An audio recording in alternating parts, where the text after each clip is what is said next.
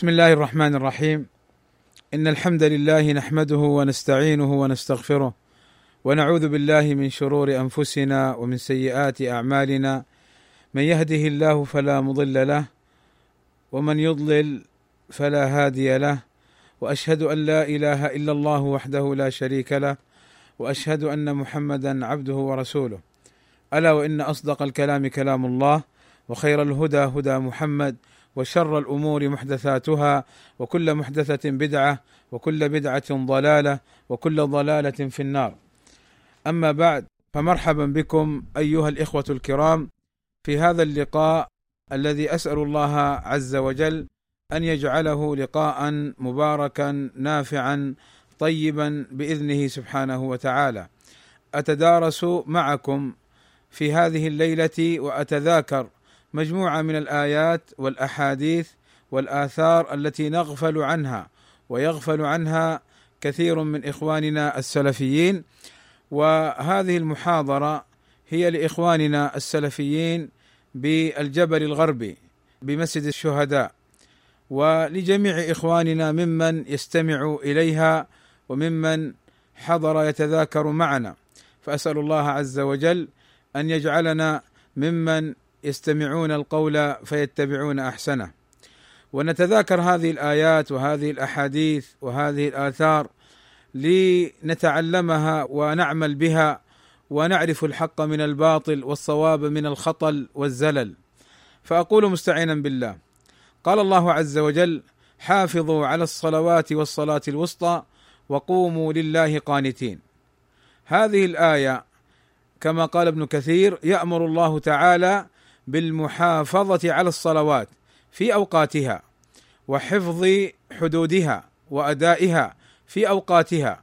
كما ثبت في الصحيحين عن ابن مسعود رضي الله عنه قال سألت رسول الله صلى الله عليه وسلم أي العمل أفضل؟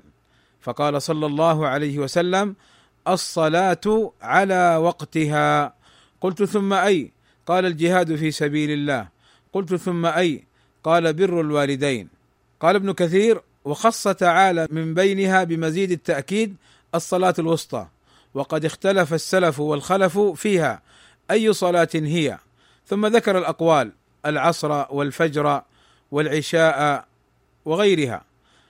قال وكل هذه الأقوال فيها ضعف بالنسبة إلى التي قبلها أي العصر والفجر وإنما المدار ومعترك النزاع في الصبح والعصر. وقد ثبتت السنة بأنها العصر فتعين المصير إليها. انتهى. فهذا الكلام من ابن كثير رحمه الله تعالى يدلنا على أمور واضحة جدا. منها أهمية الصلاة وإقامتها في أوقاتها وعدم الإخلال بها وأدائها بأركانها وشروطها المعتبرة. وأيضا من الفوائد التي نستفيدها من قول ابن كثير رحمه الله تعالى أننا عند الاختلاف نطلب الدليل ونقدم الدليل على أقوال الرجال. فقال رحمه الله تعالى وقد ثبتت السنة بأنها العصر وهي حديث الصلاة الوسطى صلاة العصر كما في مسلم وغيره قال فتعين المصير إليها ما يجوز للمسلم أن يعني يرد الحق بالخلاف الذي يحكيه أو الذي قد يوجد على سطح المكتب كما يقال أو الذي يوجد بين بعض أهل العلم. فيقول اختلف العلماء لا يلزمني لا. متى ظهر الدليل؟ تعين المصير إليه ووجب العمل به لمن وقف عليه. قال السعدي رحمه الله تعالى يأمر أي الله عز وجل يأمر بالمحافظة على الصلوات عموما وعلى الصلاة الوسطى وهي العصر خصوصا والمحافظة عليها أداؤها بوقتها وشروطها وأركانها وخشوعها وجميع ما لها من واجب ومستحب.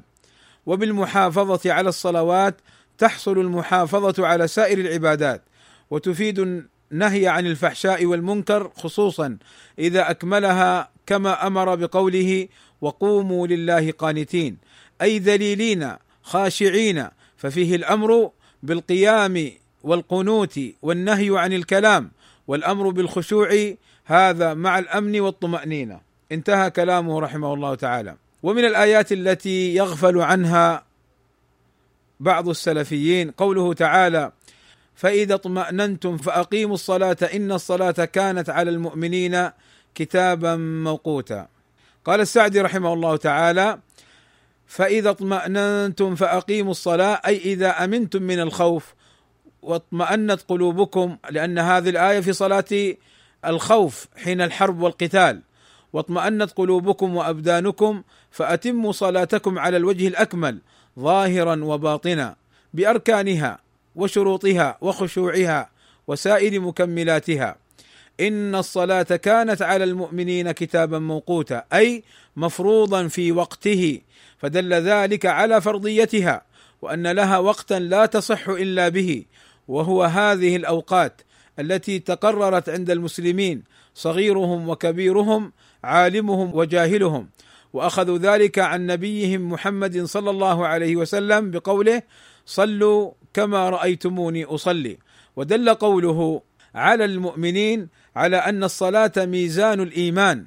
وعلى حسب إيمان العبد تكون صلاته وتتم وتكمل ويدل ذلك على أن الكفار وإن كانوا ملتزمين لأحكام المسلمين كأهل الذمة أنهم لا يخاطبون بفروع الدين كالصلاة ولا يؤمرون بها بل ولا تصح منهم ما داموا على كفرهم وإن كانوا يعاقبون عليها وعلى سائر الأحكام في الآخرة. انتهى كلامه رحمه الله تعالى. إخواني هاتان الآيتان آيتان عظيمتان. ويدل عليها أيضا قول النبي صلى الله عليه وسلم فيما رواه أبو هريرة رضي الله عنه. قال قال النبي صلى الله عليه وسلم إن أول ما يحاسب الناس به يوم القيامة من أعمالهم الصلاة. قال يقول ربنا جل وعز لملائكته وهو أعلم انظروا في صلاة عبدي أتمها أم نقصها؟ فإن كانت تامة كتبت له تامة وإن كان انتقص منها شيئا قال انظروا هل لعبدي من تطوع؟ فإن كان له تطوع قال أتموا لعبدي فريضته من تطوعه ثم تؤخذ الأعمال على ذاكم. أخرجه الإمام أحمد وأبو داود وابن ماجه وغيرهم وصححه الألباني رحمه الله تعالى. فدل هذا الحديث على أهمية الصلاة وأنها أول ما يحاسب الناس به من أعمالهم يوم القيامة الصلاة. وأنه إذا أحسن في صلاته حسن سائر عمله. وإذا فسدت صلاته فإنه يخشى عليه. إلا أن تكون له نافلة يتم له بها منها. أيضا يدل على هذا حديث عمار بن ياسر الذي أخرجه أبو داود وحسنه الألباني رحمه الله تعالى. قال سمعت رسول الله صلى الله عليه وسلم يقول إن الرجل لينصرف وما كتب إلا عشر صلاته تسعها ثمنها سبعها سدسها خمسها ربعها ثلثها نصفها أي ما يكتب له من الأجر إلا القليل لماذا؟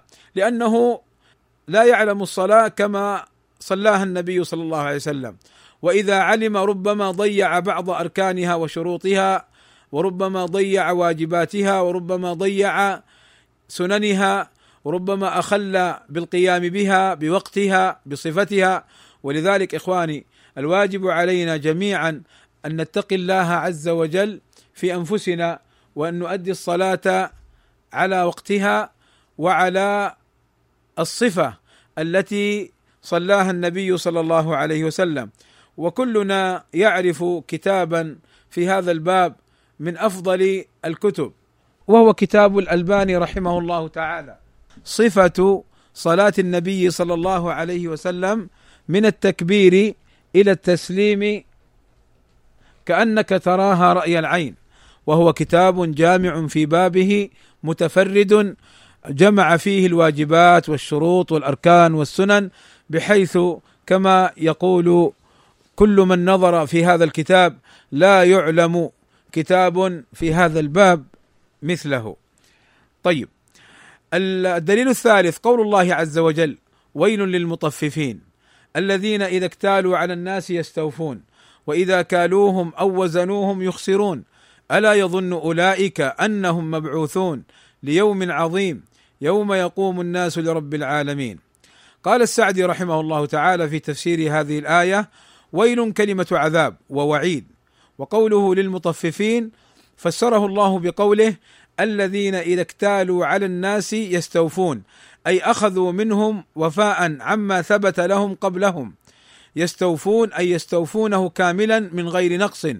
وإذا كالوهم أو وزنوهم أي إذا أعطوا الناس حقهم الذي للناس عليهم بكيل أو وزن يخسرون أي ينقصونهم ذلك إما بمكيال وميزان ناقصين أو بعدم ملء المكيال والميزان أو نحو ذلك. فهذه سرقة لأموال الناس وعدم إنصاف لهم منهم. وإذا كان هذا الوعيد على الذين يبخسون الناس بالمكيال والميزان فالذي يأخذ أموالهم قهرا أو سرقة أولى بهذا الوعيد من المطففين. ودلت الآية الكريمة على أن الإنسان كما يأخذ من الناس الذي له يجب عليه أن يعطيهم كل ما لهم من الأموال والمعاملات بل يدخل في عموم هذا الحجج والمقالات. انتبهوا يا إخواني. يقول بل يدخل في عموم هذا أي في عموم هذه الآية وفي عموم هذا النهي والوعيد الحجج والمقالات.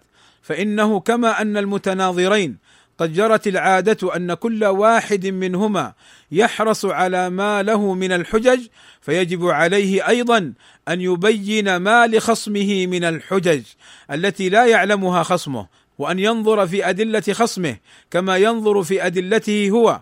وفي هذا الموضع يعرف إنصاف الإنسان من تعصبه واعتسافه وتواضعه من كبره وعقله من سفهه نسأل الله التوفيق لكل خير. انتهى كلام السعدي رحمه الله تعالى. أقول في هذه الآية أيضا وعيد للذين يتتبعون إخوانهم السلفيين بأخطاء لا يسلم منها البشر وأخطاء قد يقع فيها السلف دون قصد فإذا نبه ترك. ثم يترك نفسه أو يترك إخوانه وأتباعه وحزبه أو حتى بعض مشايخه وما عنده من أخطاء فادحة في العقيدة أو في المنهج التي قد لا يسكت عليها ومع ذلك يدسها. فإذا ظهرت للناس كذب وفجر وقال تراجع الشيخ أو قال سيتراجع وأنا لم أنتبه لهذا أو نحو ذلك. فيأتي لإخوانه في أمور ليست بخطأ منهجي يعني متعمد فيجعلها كبيرة ويجعلها سببا جارحا قادحا في في السلفيين. ويأتي عند الكبائر ويأتي عند المسائل التي يغلط فيها الإنسان. تتعلق بالمنهج بسب الصحابه تتعلق بالشرك تتعلق بكذا وكذا ويغض الطرف عنها وينبطح لها ولا يلتفت لها. فهذا من التطفيف.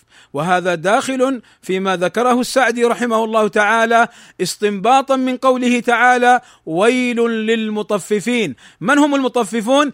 الذين إذا كان لهم أخذوا حقهم كاملا وإذا كان عليهم أنقصوا من حق الغير. فإذا كان هذا في الأموال ففي العلم والحجج وفي ظلم الناس الأبرياء لا شك أنه أخطر وأخطر وأخطر. فليتنبه كل واحد منا لهذا الأمر. وليتق الله.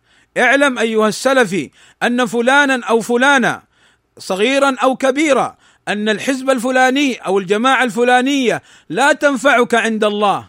أنت مسؤول عن علمك وعن عملك ماذا عملت وماذا علمت. اتق الله في نفسك. الدنيا فانية. فلا تشتري عرض الدنيا الزائل وتبيع الآخرة.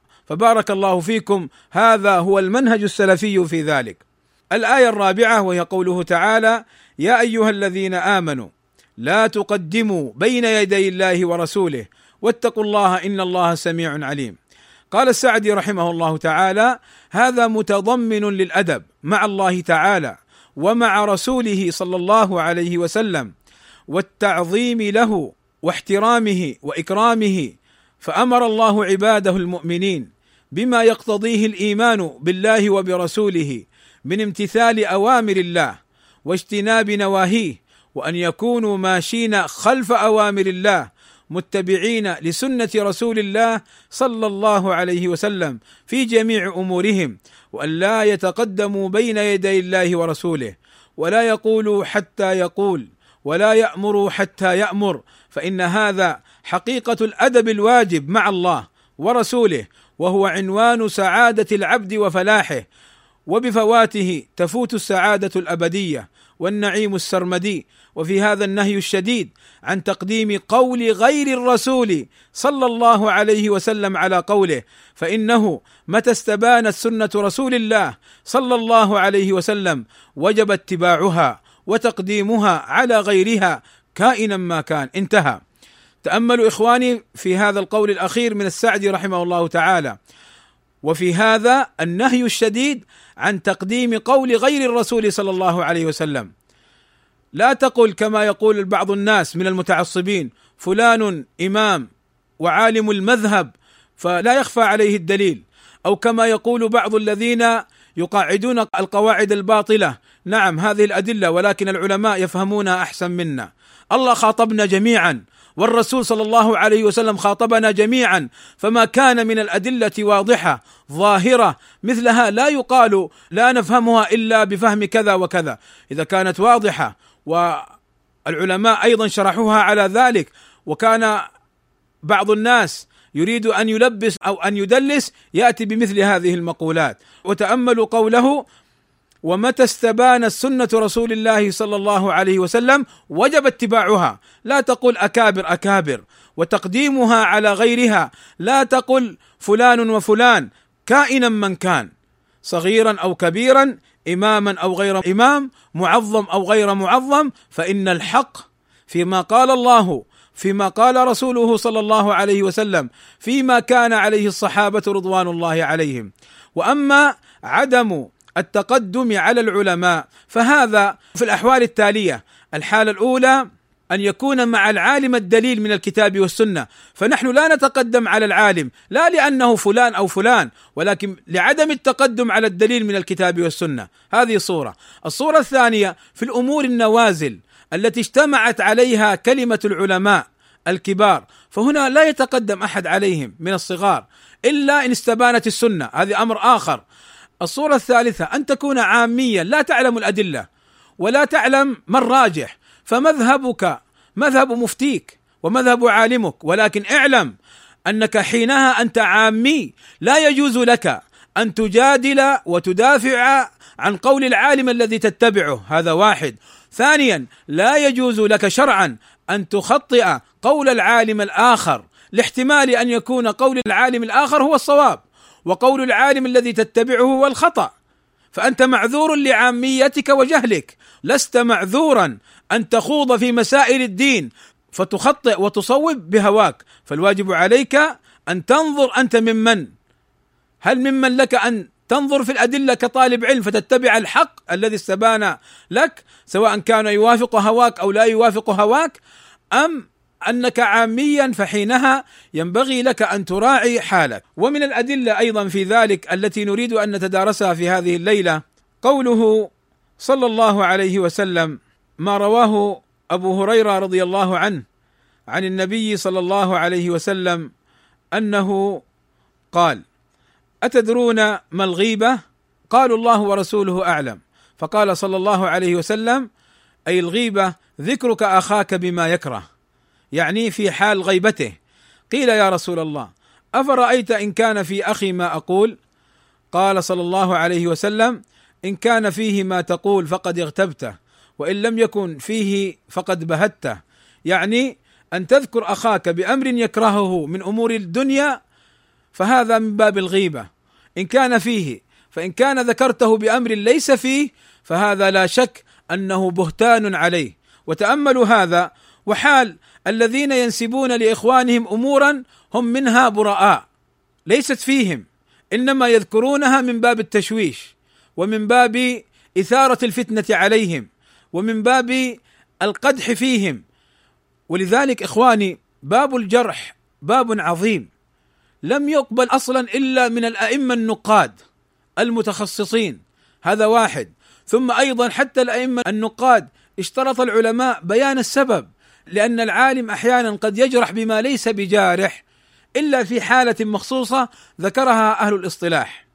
طيب الدليل التالي قول عائشة رضي الله عنها عن النبي صلى الله عليه وسلم أنه قال: إن الرفق لا يكون في شيء إلا زانة ولا ينزع من شيء إلا شانة.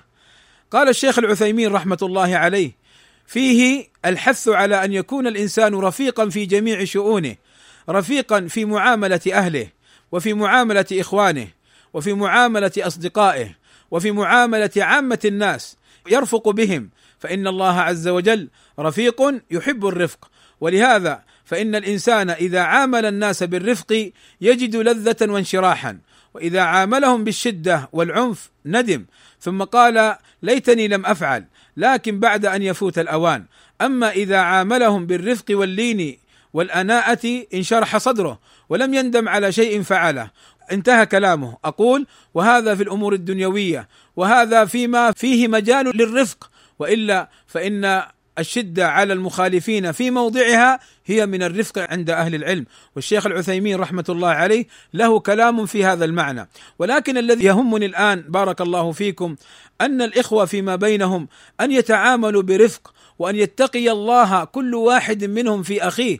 فإننا نجد للأسف من بعض إخواننا السلفيين يشدون على إخوانهم السلفيين طعنا وجرحا وثلبا وقدحا وتنفيرا نسأل الله السلامة والعافية وكأن أخاه مبتدع فنجده يطرده من المجموعات ونجده لا يسلم عليه ويهجره ونجده يحذر ممن يسلم عليه يا أخي هذا أخوك سلفي ماذا فعل؟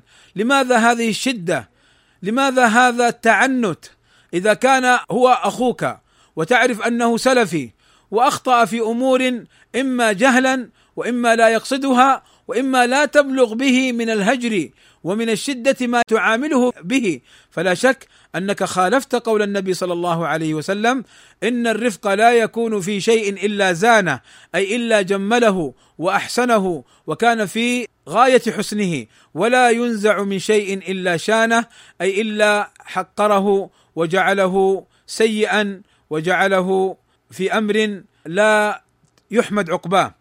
ولذلك حسن الخلق يقول فيه النبي صلى الله عليه وسلم ما من شيء أثقل في ميزان المؤمن يوم القيامة من خلق حسن وإن الله يبغض الفاحش البذيء. انظروا إلى بعض الذين يكتبون في التويتر وفي الفيسبوك وغيرها كيف يسبون إخوانهم السلفيين؟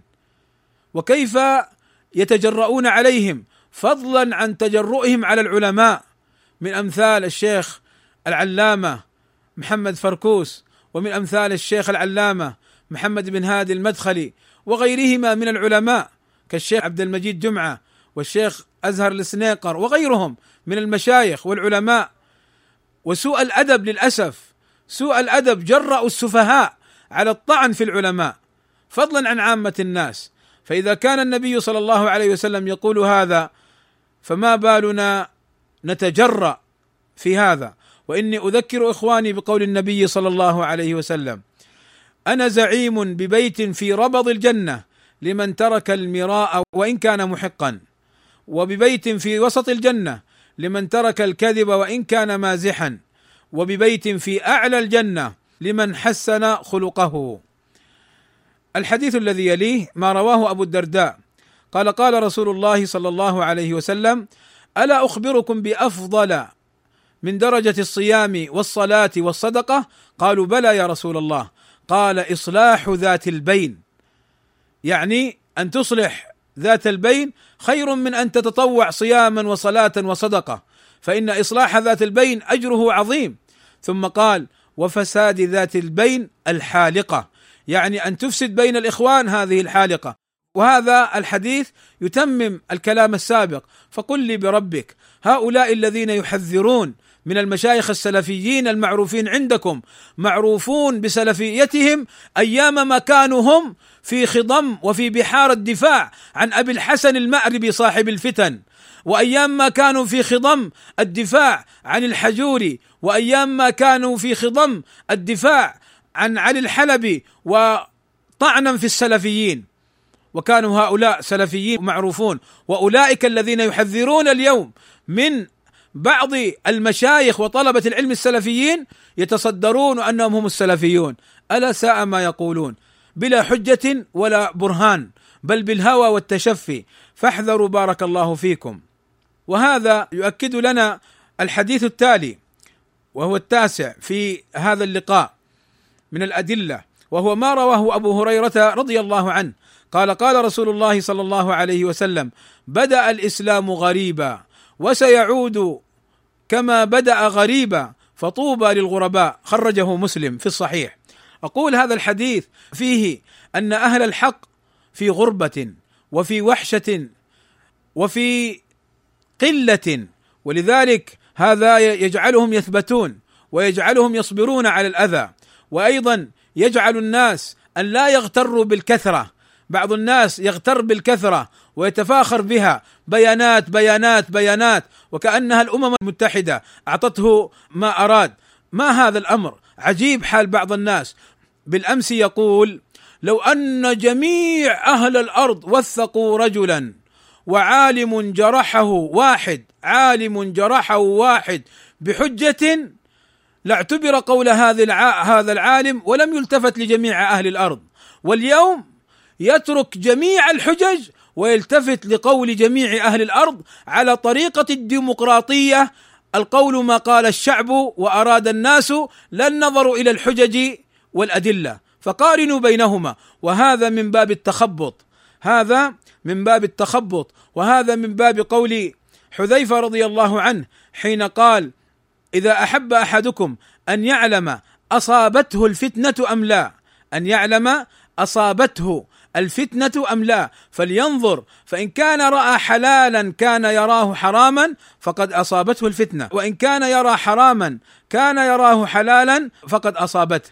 فاذا إن تغير قوله الذي كان يقول به بالأمس وتغير اليوم فهذا دليل على أنه قد وقع نسأل الله السلامة والع... طبعا بلا دليل وبلا حجة. وأن تكون المسألة فيها أدلة وحجج وبرهان.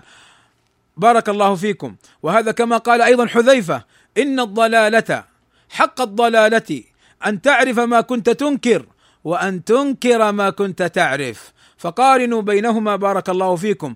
وهذه المواقف تزيد المؤمن غربة. الذين تعرفهم من إخوانك أصبحوا يستدلون للباطل ضدك وأصبحوا يناصرون. ولكن كما قال بعض أهل العلم ولكن كما قال بعض أهل العلم إن هذه الفتن وهذه المحن فيها منح فإن بذلك تتميز الصفوف وتعرف الذي في نفسه شيء والذي في نفسه حقد من الذي هو أخ لك صاف صادق في المنهج. ولذلك قال ابن مسعود رضي الله عنه قوله المشهور الجماعة انتبهوا يا إخواني الجماعة ما وافق الحق وإن كنت وحدك.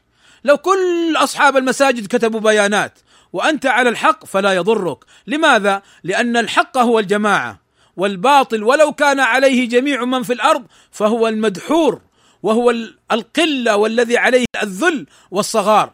فلا تغتروا فلا تغتروا بأولئك الذين يقاعدون هذه القواعد ويشوشون على الحق.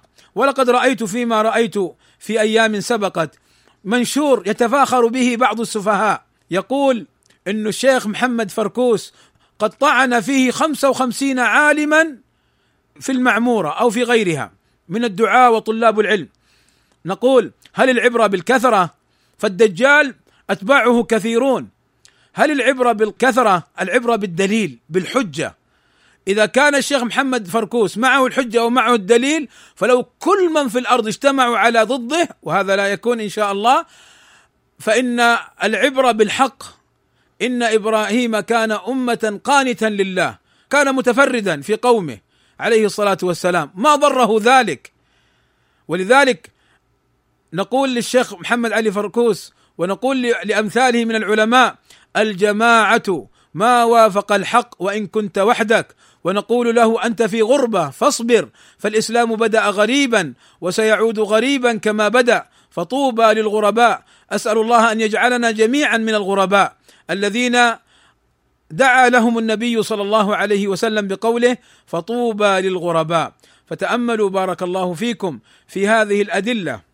يقول الألباني في كلام له أختصره لكم.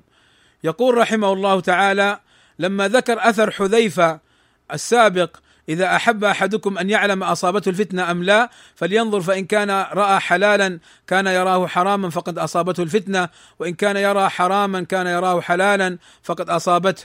يقول الألباني رحمه الله رأينا اناسا كانوا بالأمس كانوا في الأمس القريب يقولون قولا فعادوا يقولون قولا مناقضا. كانوا ينصرون شخصا وإذا بهم خذلوه وإذا بهم خذلوه وكانوا يخذلون شخصا وإذا بهم نصروه. قال فعجبت من حذيفة بن اليمان ولا عجب فإنه صاحب سر رسول الله صلى الله عليه وسلم.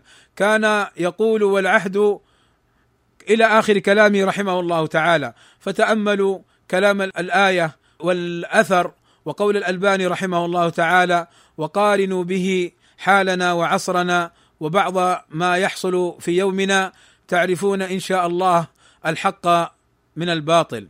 الدليل العاشر الذي أريد أن أقف معه ما رواه عبد الله بن عمر عن النبي صلى الله عليه وسلم أنه قال: من خاصم في باطل وهو يعلم لم يزل في سخط الله حتى ينزع ومن قال في مؤمن ما ليس فيه حبس في رضغة الخبال حتى يأتي بالمخرج وعن عبد الله بن عمر رضي الله عنهما عن النبي صلى الله عليه وسلم قال من أعان على خصومة بظلم أو يعين على ظلم لم يزل في سخط الله حتى ينزع. إخواني هذه الأحاديث ظاهرة الدلالة وواضحة المعاني ولكن للأسف للأسف الشديد نجد اليوم ونسمع ونرى أن هناك من يعين أهل الباطل على باطلهم بشهادة الزور. فقال صلى الله عليه وسلم من خاصم في باطن وهو يعلم لم يزل في سخط الله. بعضهم يماري ويجادل ويرد على إخوانه السلفيين وهو يعلم أنه على باطل ويعلم أن إخوانه على الحق ولكن عصبية أو انتقاما لنفسه وتشفيا أو نصرة للباطل. فهذا نقول له أنت في سخط الله حتى تنزع حتى تترك هذا الأمر وتتوب إلى الله عز وجل وتبين أنك ظلمت إخوانك في هذا الباب. ومن قال في مؤمن انتبهوا لهذا. ومن قال في مؤمن ما ليس فيه كذبا وزورا. قالوا نعم سمعناه يطعن في الشيخ الفلاني وهو ما طعن. سمعناه يقول كذا وهو ما قال. سمعناه أو هو الذي نشر الرد الفلاني وهو ما نشر.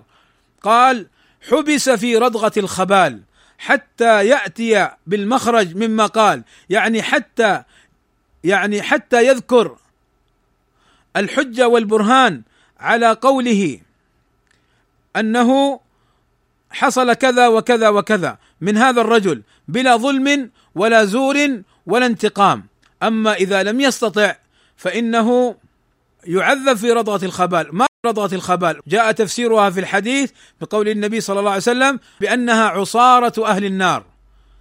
عصارة أهل النار. والردغة الردغة والردغه هي الطين والوحل الكثير. هي الطين والوحل الكثير. فإذا بارك الله فيكم ليطلب كل واحد منا النجاة لنفسه ولإخوانه وللمنهج السلفي. ويؤكد هذا المعنى الدليل الذي يليه وهو ما رواه المغيرة بن شعبة عن النبي صلى الله عليه وسلم أنه قال: إن الله تعالى حرم عليكم عقوق الأمهات ووأد البنات ومنعا وهات وكره لكم قيل وقال قيل وقال. وكثرة السؤال وإضاعة المال متفق عليه. ما معنى قيل وقال؟ يعني كما قال شيخنا الإمام العثيمين رحمة الله عليه يعني نقل الكلام. وكثرة ما يتكلم الإنسان ويثرثر به وأن يكون ليس له هم إلا الكلام في الناس. قالوا كذا وقيل كذا ولا سيما إذا كان هذا في أعراض أهل العلم وأعراض ولاة الأمور فإنه يكون أشد وأشد كراهة عند الله عز وجل. والإنسان المؤمن هو الذي لا يقول إلا خيرا كما قال النبي صلى الله عليه وسلم من كان يؤمن بالله واليوم الآخر فليقل خيرا أو ليصمت. الدليل الثاني عشر. ما رواه أنس عن النبي صلى الله عليه وسلم؟ أنه قال لا يؤمن أحدكم حتى يحب لأخيه ما يحب لنفسه. متفق عليه. وفي رواية من الخير. قال العثيمين رحمة الله عليه لا يؤمن يعني لا يكون مؤمنا حقا تام الإيمان إلا بهذا الشرط أن يحب لأخيه ما يحب لنفسه من الخير وما يحب لنفسه من ترك الشر يعني ويكره لأخيه ما يكره لنفسه هذا هو المؤمن حقا. انتبهوا هذا هو المؤمن. أما الذي يطعن في إخوانه السلفيين ثم يأتي في خطبه أو محاضراته ويبكي ويتباكى ويتخنع في الصوت وأنه خاشع وقلبه ذئب وجثمانه جثمان إنس وقلبه قلب الذئب فهذا ليس فيه ما يظهر للناس قال هذا هو المؤمن حقا وإذا كان الإنسان قال الشيخ وإذا كان الإنسان يعامل إخوانه هذه المعاملة فإنه لا يمكن أن يغشهم يجيه قدام الناس أخونا فلان أخونا الشيخ فلان. ويروح عند المشايخ أنا أحبه وأنا دافع عنه وهذا والله أنا فعلت معه من الخير كذا كذا. كذاب أشر وهو من خلفه يطعن فيه.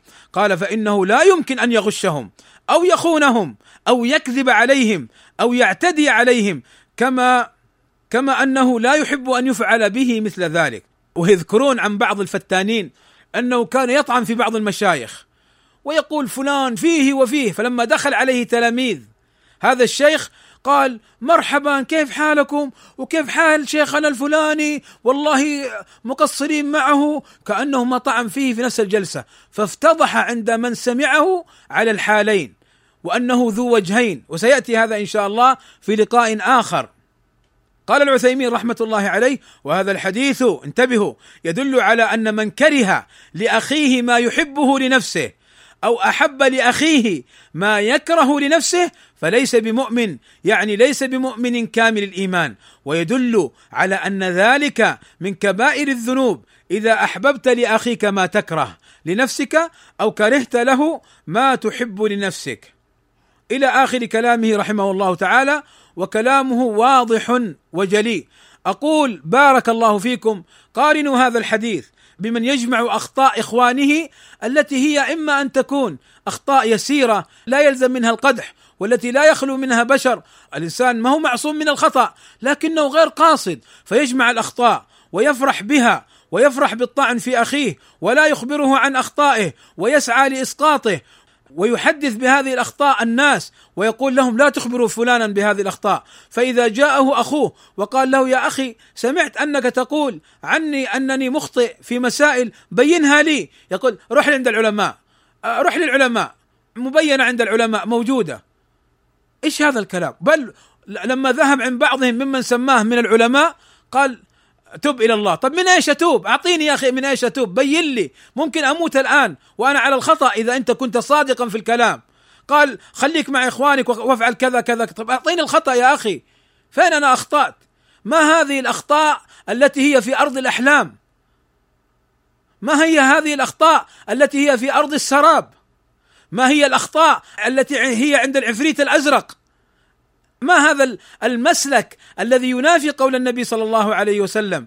الذي سمعناه سابقا حين قال لا يؤمن أحدكم حتى يحب لأخيه ما يحب لنفسه. وسمعنا كلام الإمام العثيمين في هذا الباب. بارك الله فيكم. الحديث الذي يليه والذي أريد أن أختم به هذا الكلام هو قول النبي صلى الله عليه وسلم. أو حديثان حسب المقام سأرى الآن.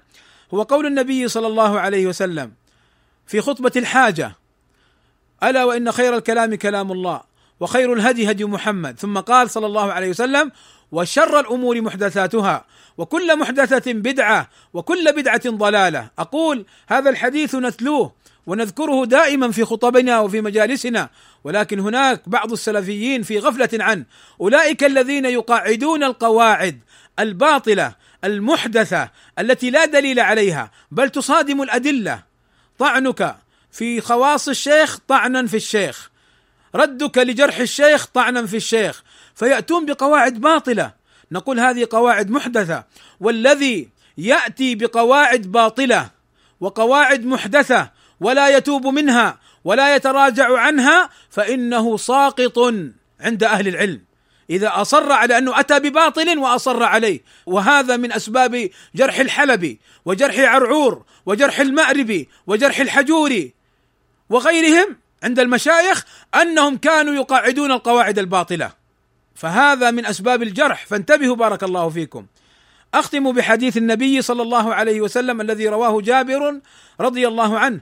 قال سمعت النبي صلى الله عليه وسلم يقول إن الشيطان قد يئس أن يعبده المصلون في جزيرة العرب ولكن في التحريش بينهم. رواه مسلم. هذا الحديث واضح المعنى. وكما قال ابن عبد البر إن التحريش بين البهائم لا يجوز. فكيف بالتحريش بين المسلمين؟ أقول فكيف بالتحريش بين العلماء السلفيين؟ الصادقين المعروفين الذين شهد لهم العلماء الأكابر بالعلم. والفهم والحفظ والفقه والديانة وحسن العقيدة والمنهج. يأتي اليوم غر ويرميه بأنه على مسالك الحدادية. نعوذ بالله من فجور الخصومة. فلذلك فاحذروا إخواني من التحريش ومن صور التحريش اليوم التي كانت بالأمس إثارة بعض المسائل التي وقع فيها الخلاف بين علماء السنة إثارتها للتحريش بينهم. فبالأمس كانوا يحرشون في مسألة العذر بالجهل وأن من عذر بالجهل فهو مرجئ وأنه مخطئ وأنه وقع في كبيرة من كبائر الذنوب بل هو مبتدع ضال. واليوم بعض الناس يحرش في مسائل تتعلق بين المشايخ السلفيين في مسائل الإيمان وما يتعلق بعمل الجوارح فيحرش بين المشايخ. وما علم هذا المسكين أنه حرش بين أهل العلم ويريد أن يحرش بينهم بين هيئة كبار العلماء وبين المشايخ الكبار ومنهم أيضا من العلماء الأكابر الشيخ العلامة محمد بن هادي المدخلي حفظه الله تعالى. فيأتي بعض الناس الجهال كما نرى في بعض التغريدات التي يستخفي بعض الناس من وراءها والتي يلبس بعض الناس فيها فيطعنون في الشيخ محمد بن هادي في هذا الباب. وهو هو هذا الطاعن الذي كان بالأمس يدافع عن الشيخ محمد وينفي عنه الحدادية. فنسأل الله السلامة من الضلالة أن تعرف ما كنت تنكر وأن تنكر أيها النكرة ما كنت تعرف. فاتقوا الله في أنفسكم عباد الله. أقول هذا وأسأل الله عز وجل أن يرزقني وإياكم الإخلاص في القول والعمل وأن يجعلنا ممن يستمعون القول فيتبعون أحسنه. وصلى الله وسلم على نبينا محمد وعلى آله وصحبه أجمعين. والحمد لله رب العالمين.